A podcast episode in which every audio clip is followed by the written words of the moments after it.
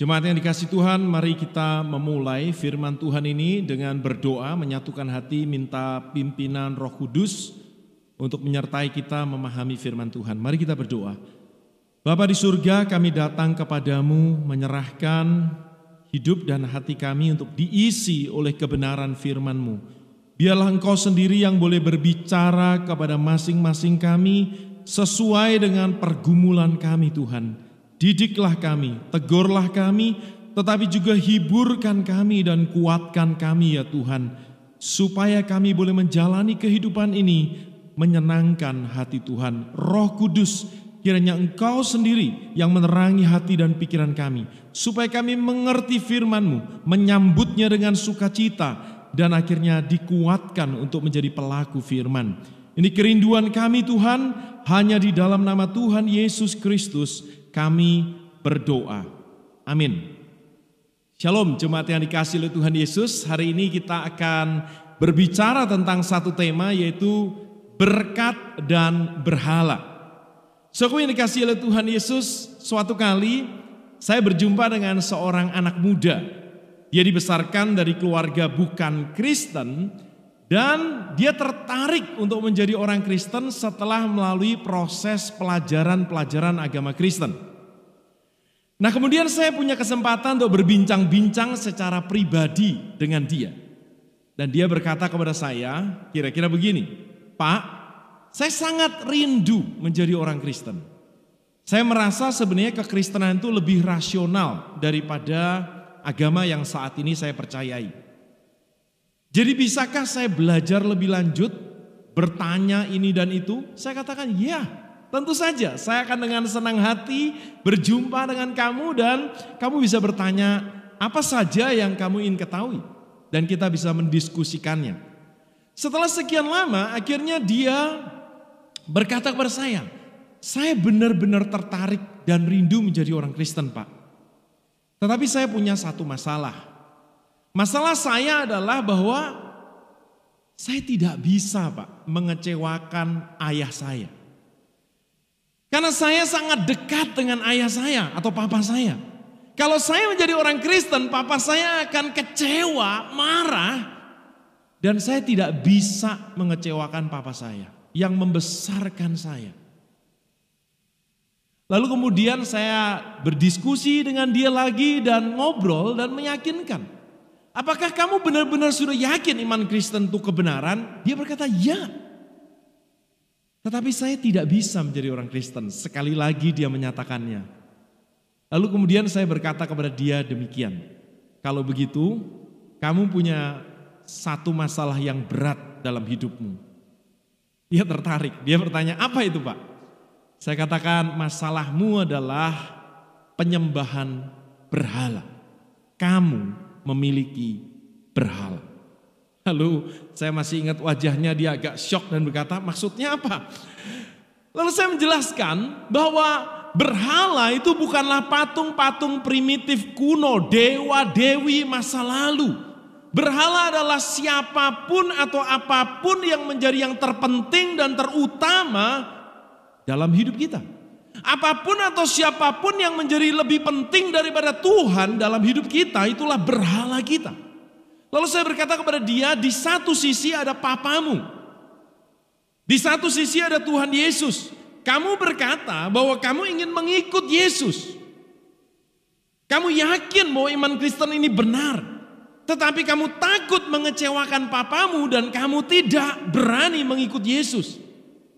Tidakkah kamu berpikir bahwa kamu juga bisa mengecewakan Yesus karena kamu berupaya untuk menjaga hati papamu, kamu mengecewakan Yesus. Jadi di satu sisi ada papamu, di sisi lain ada Yesus dan kamu seolah-olah ingin berkata kepada saya, karena papa saya tidak bisa ikut Yesus, berarti papamu lebih penting dan lebih tinggi daripada Yesus. Papamu adalah berhala dalam hatimu dan hidupmu. Nah dia agak kaget waktu mendengarkan itu. Dan saya katakan sekali lagi kalau engkau benar-benar meyakini iman Kristen sebagai kebenaran. Maka memang ada resiko dan konsekuensi yang terkadang harus kita alami. Tetapi ketika kita mengikut Yesus, saya ingatkan itu tidak berarti kamu berhenti mencintai papamu. Justru kalau kamu mengikut Yesus, kamu akan semakin punya dorongan untuk mengasihi papamu. Mungkin dia kecewa, tetapi engkau akan dan harus terus mengasihi dia. Nah setelah kita berdiskusi panjang lebar, akhirnya anak muda ini atas kemurahan Tuhan berani memutuskan untuk percaya kepada Tuhan Yesus.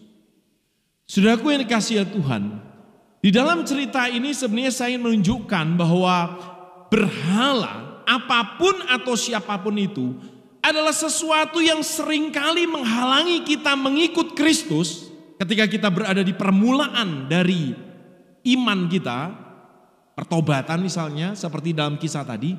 Tetapi sebenarnya berhala juga adalah penghalang terbesar di dalam hidup kita untuk bisa mengikut Kristus dan bertumbuh serupa Kristus menyenangkan hatinya. Kalau kita membaca di dalam Alkitab, sebenarnya berhala adalah masalah terbesar dari bangsa Israel, bukan?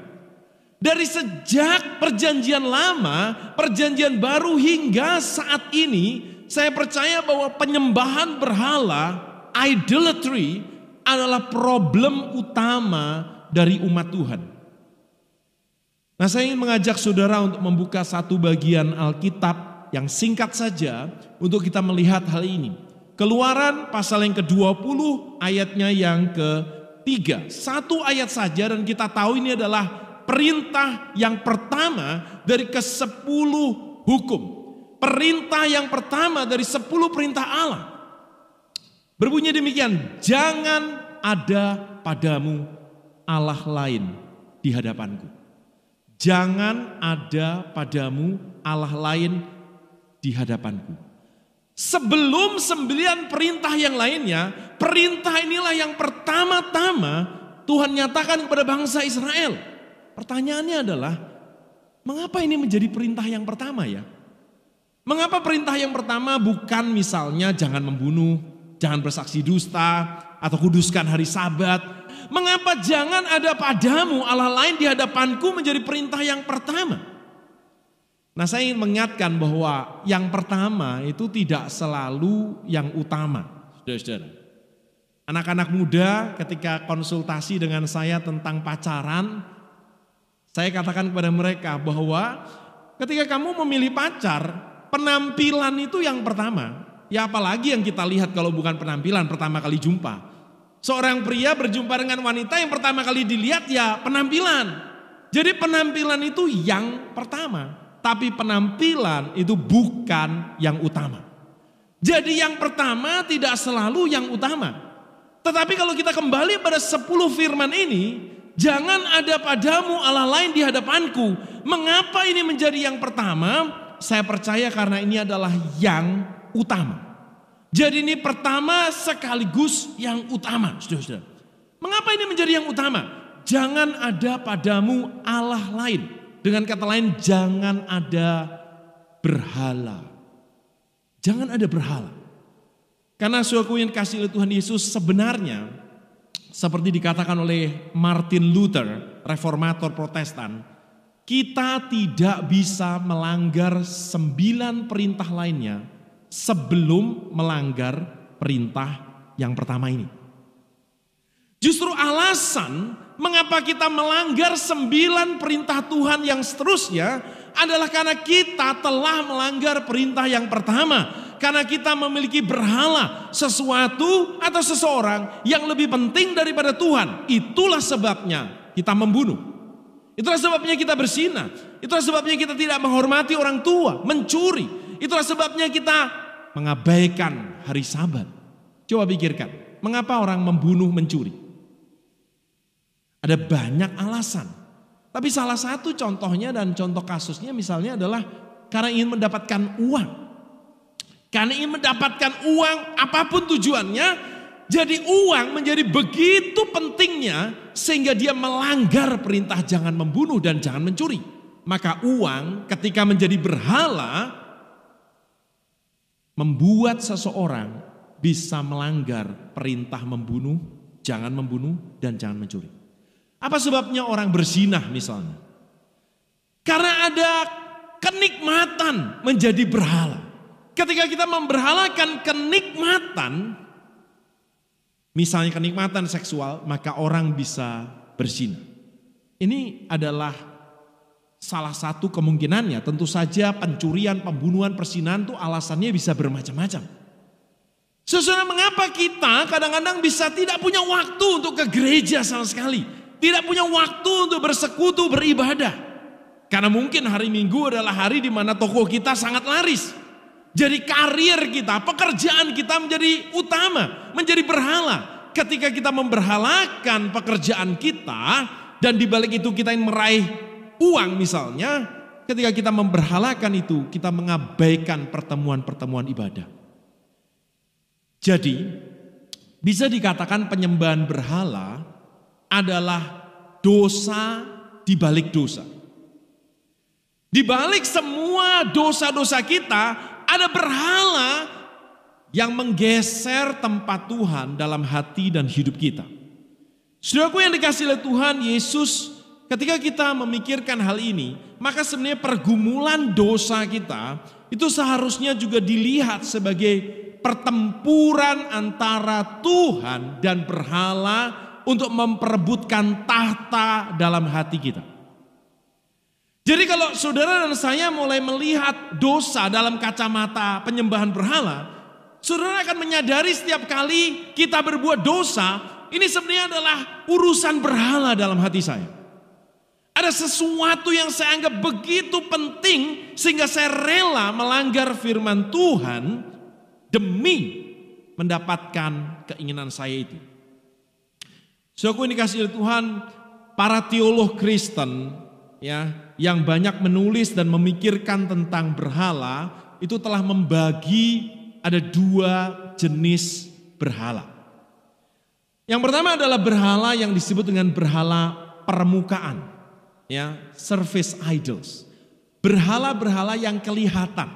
Contoh, uang, kenikmatan, makanan, seks, kesuksesan, karir atau pekerjaan, keluarga, ya, reputasi, popularitas, pelayanan, apa pun.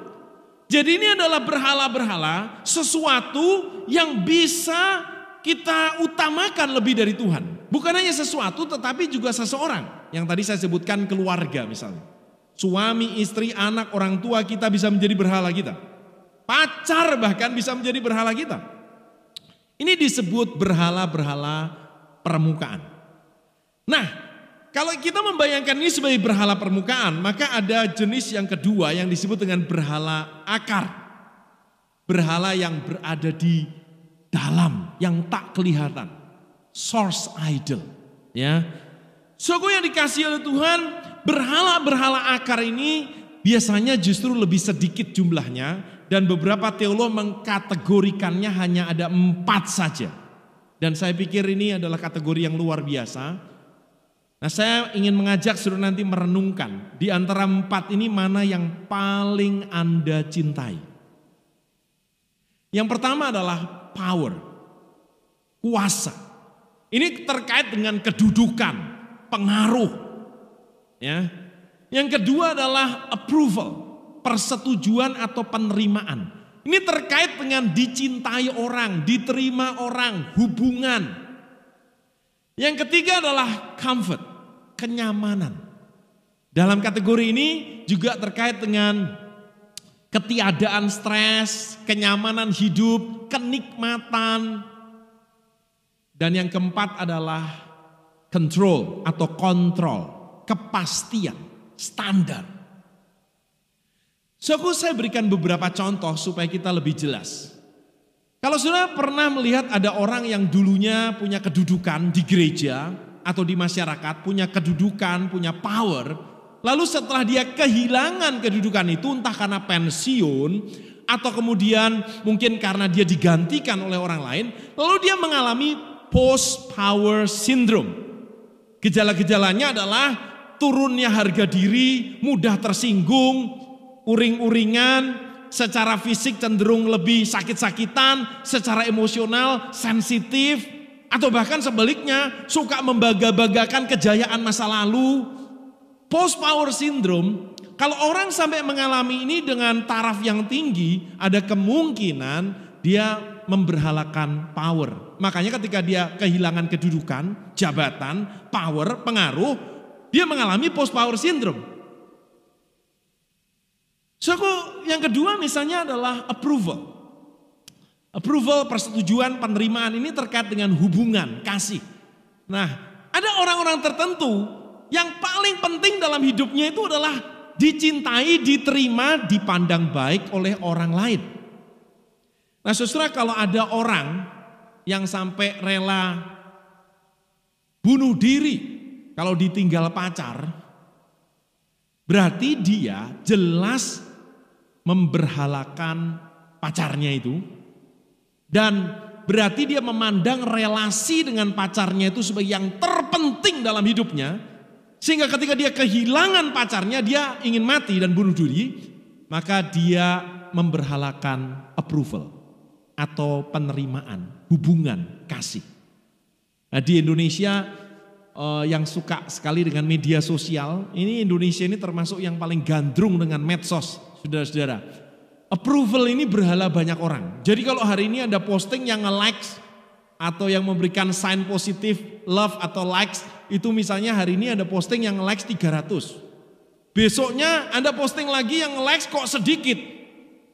Lalu Anda kepikiran terus, sulit tidur, dianalisa apa angle-nya kurang bagus atau apa. Nah, Anda sangat terganggu. Gitu ya. Kemungkinan Anda sangat memberhalakan approval atau penerimaan. Okay? Demikian pula dengan contoh yang ketiga misalnya kenyamanan, comfort, saudara-saudara. Ada orang-orang tertentu dan saya berjumpa dengan mereka kadang-kadang. Ada orang-orang tertentu yang jelas dipanggil untuk melayani Tuhan secara full time, sekolah Alkitab menjadi penginjil dan pendeta. Tetapi ketika ditanya, kenapa kamu tidak berani melangkah Kenapa kamu tidak berani meninggalkan pekerjaanmu lalu masuk ke sekolah Alkitab dan diperlengkapi menjadi hamba Tuhan? Dan dia dengan lirih berkata dengan jujur, saya nggak siap untuk hidup sederhana. Saya sudah nyaman dengan pekerjaan, dengan gaji seperti ini, penghasilan seperti ini. Saya nggak siap menjalani hidup sebagai hamba Tuhan. Takut menderita, takut kehilangan kenyamanan. Ini contoh.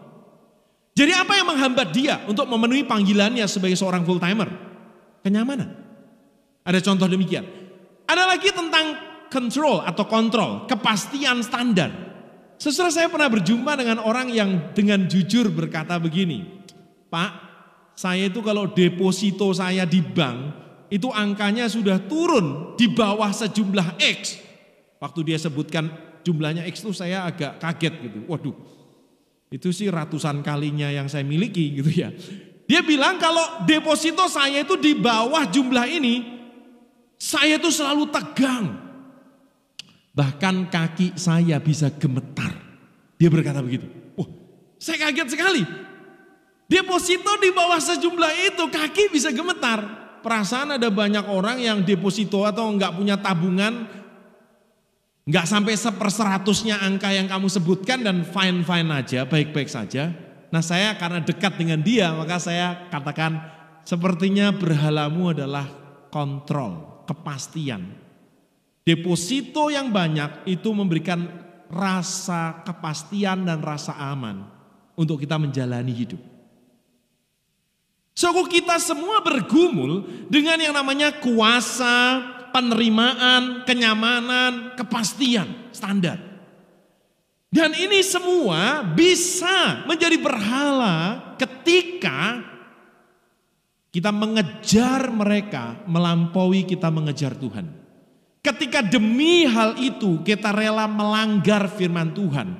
Ketika kehilangan kuasa, penerimaan, kontrol dan kenyamanan membuat kita depresi dan kehilangan makna hidup, Ketika apa yang membuat kita bangun dari tidur kita malam-malam, kekhawatiran kita, kesenangan kita yang utama adalah hal-hal itu, dan bukan Tuhan, maka hal-hal itulah yang sebenarnya telah menjadi berhala dalam hidup kita.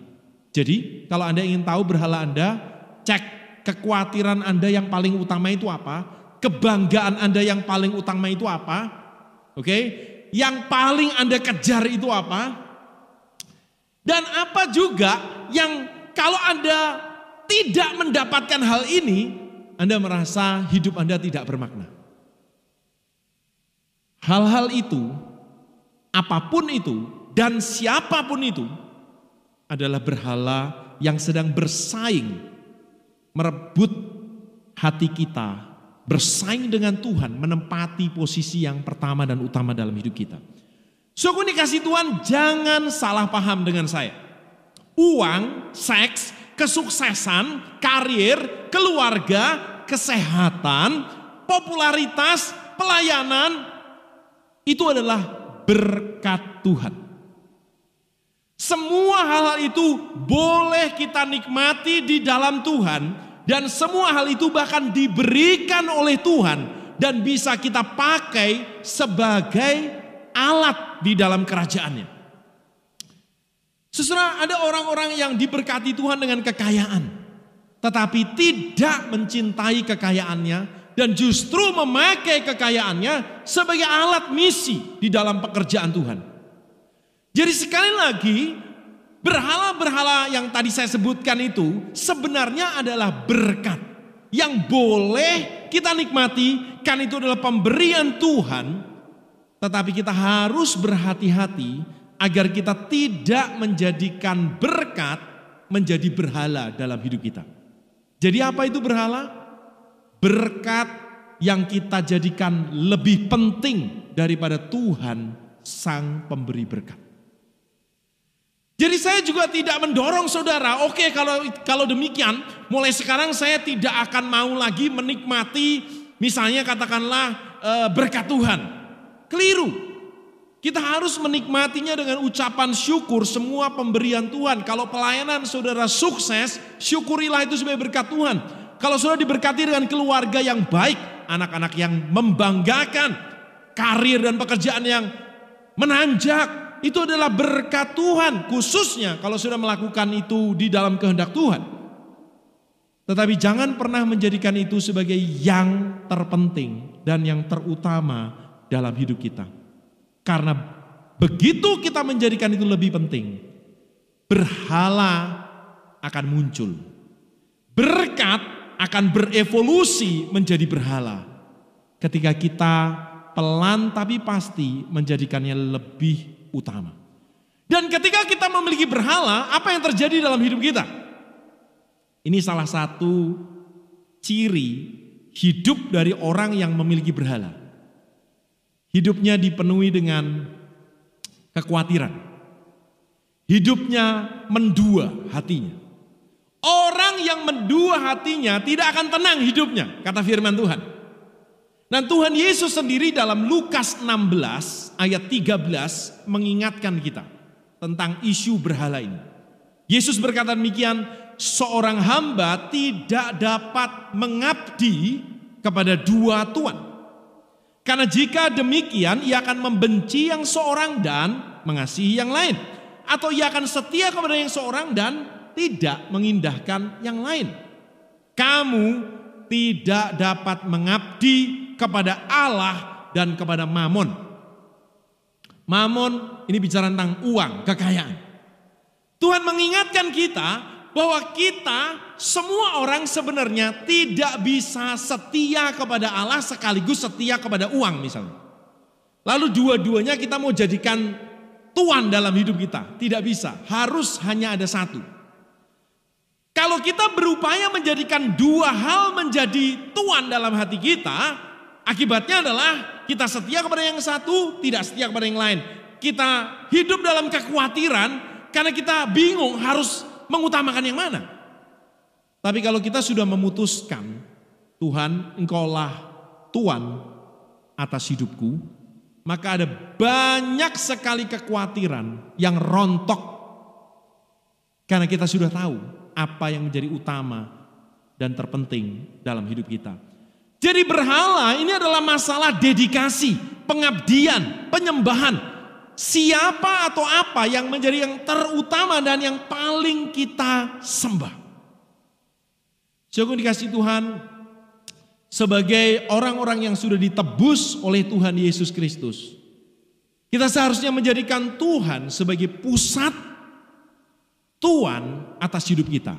Dan kehadiran berhala, baik itu kuasa, kenyamanan, penerimaan, kontrol, kehadiran berhala-berhala ini, saudara-saudara, ini seperti kehadiran orang ketiga dalam hubungan suami istri. Dari sejak perjanjian lama hingga perjanjian baru, relasi antara umat Tuhan dengan Allah itu adalah relasi perjanjian. Ikatan eksklusif. Bahkan digambarkan kadang-kadang hubungan kita dengan Tuhan itu seperti hubungan suami istri. Kita adalah mempelai Kristus. Karena Kristus telah membeli hidup kita. Kita telah ditebus. Umat perjanjian lama bangsa Israel misalnya juga dipandang sebagai umat yang telah ditebus keluar dari Mesir. Dan sebagai umat yang memiliki hubungan yang eksklusif dengan Tuhan, Allah kita adalah Allah yang cemburu. Dan dia tidak senang ketika kita memiliki berhala. Karena berhala itu berarti kehadiran orang ketiga dalam relasi kita yang eksklusif dengan Tuhan. Itulah sebabnya bangsa Israel dihukum habis-habisan. Salah satu faktor utamanya adalah karena bangsa Israel menyembah berhala. Pada saat itu bangsa Israel menyembah dewa-dewa asing. Dan kita yang hidup hari ini, kita mungkin tidak menyembah dewa-dewi, kita tidak menyembah patung-patung, tapi kita menyembah kuasa. Kita menyembah kenyamanan. Kita menyembah penerimaan orang lain, pujian orang lain. Kita menyembah kontrol dan kepastian. Jadi kita sama rentannya dengan bangsa Israel, walaupun kita memiliki jenis berhala yang mungkin berbeda bentuk dan wujudnya. Berhala-berhala kontemporer, berhala-berhala yang sering kali menggoda hati kita, itu juga adalah berhala-berhala yang ada di sekeliling kita. Berhala-berhala yang juga disembah oleh orang-orang dunia di sekeliling kita. Dan karena itulah kita harus peka sekali, saudaraku yang dikasih Tuhan. Kita harus peka sekali agar kita tidak dipengaruhi oleh dunia ini dengan semua berhalanya. Juga agar kita tidak dipengaruhi oleh berhala yang diwariskan oleh orang tua kita kepada kita. Karena kadang-kadang ada orang tua yang mendidik anaknya terus-menerus bahwa yang paling penting itu adalah kesehatan. Cian Gang Ti. Kesehatan itu yang paling penting. Jadi yang dipikirkan oleh anaknya itu yang penting sehat-sehat. Bahkan Tuhan saja kalah penting dibandingkan kesehatan. Ada orang tua yang mendidik anaknya masuk jurusan sekolah harus yang paling penting itu yang paling menghasilkan uang. Apakah itu sesuai dengan talentamu, passionmu, kesenanganmu, nggak penting. Yang penting paling menghasilkan uang. Jadi anak akan bertumbuh dengan berhala uang. Kita harus hati-hati dengan berhala-berhala yang diwariskan oleh orang tua kita, berhala-berhala yang ada di sekitar kita oleh budaya sekitar kita. Dan kita harus kembali kepada Tuhan, menjadikan Tuhan penebus hidup kita sebagai yang utama, pertama, satu-satunya pusat dari segala hidup kita. Jikalau Tuhan Yesus Kristus, Allah yang maha kuasa saja, saudara-saudara, dia rela datang ke dalam dunia menjadi manusia, membatasi dirinya, bahkan menjadi hamba yang melayani. Masakan kita malah mengejar kuasa dan menjadikan kuasa sebagai sumber kebahagiaan kita. Dia yang maha kuasa justru membatasi kekuasaannya ada di dalam dunia untuk menyelamatkan kita. Tidak layak bagi kita menjadikan kuasa sebagai berhala hidup kita. Allah yang ada di surga dengan segala kemuliaan dan kenyamanannya turun ke dalam dunia. Hidup dalam dunia yang penuh dosa dan duka dan penuh penderitaan. Masakan kita justru menjadikan kenyamanan hidup sebagai yang terpenting dalam hidup kita. Tidak layak kita melakukannya.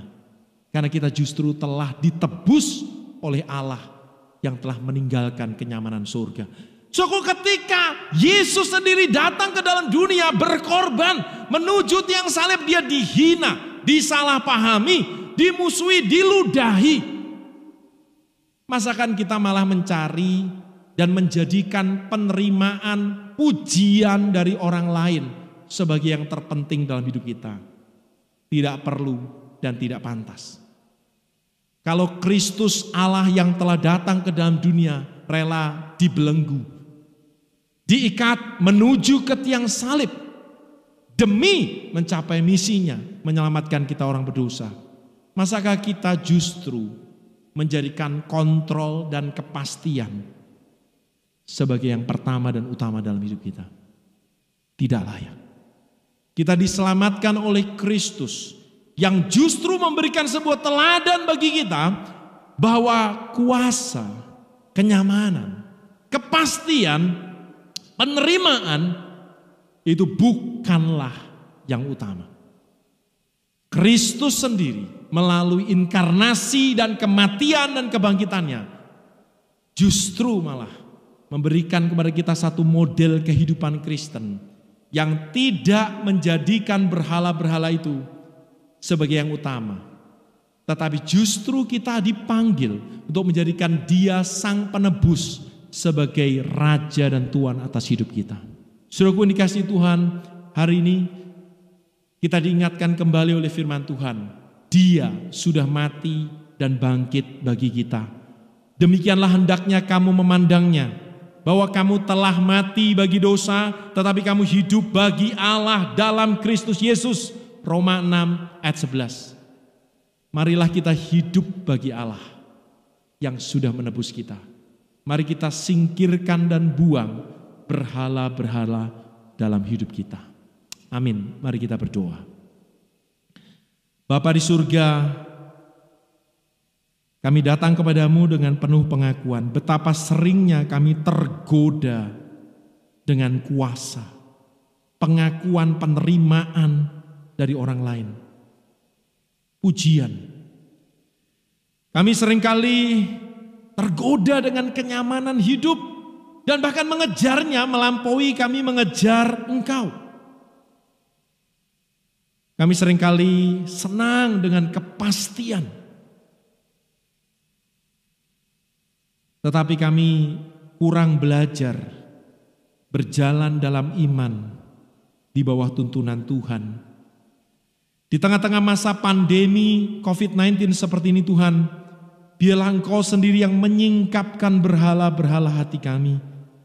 Dan Engkau sendiri yang menolong Tuhan melalui firman-Mu juga hari ini untuk kami boleh menyingkirkan berhala itu di dalam kekuatan Roh Kudus. Kami diingatkan kembali bahwa Engkau sudah menebus hidup kami, Engkau telah membeli hidup kami. Dan untuk itulah kami harus sekarang meresponinya dengan hidup bagimu. Tuhan, bertahtalah atas hidup kami. Jauhkan kami dari berhala ya Tuhan. Dan biarlah kami hidup menyenangkan hatimu saja. Demi nama Tuhan Yesus Kristus kami berdoa. Amin.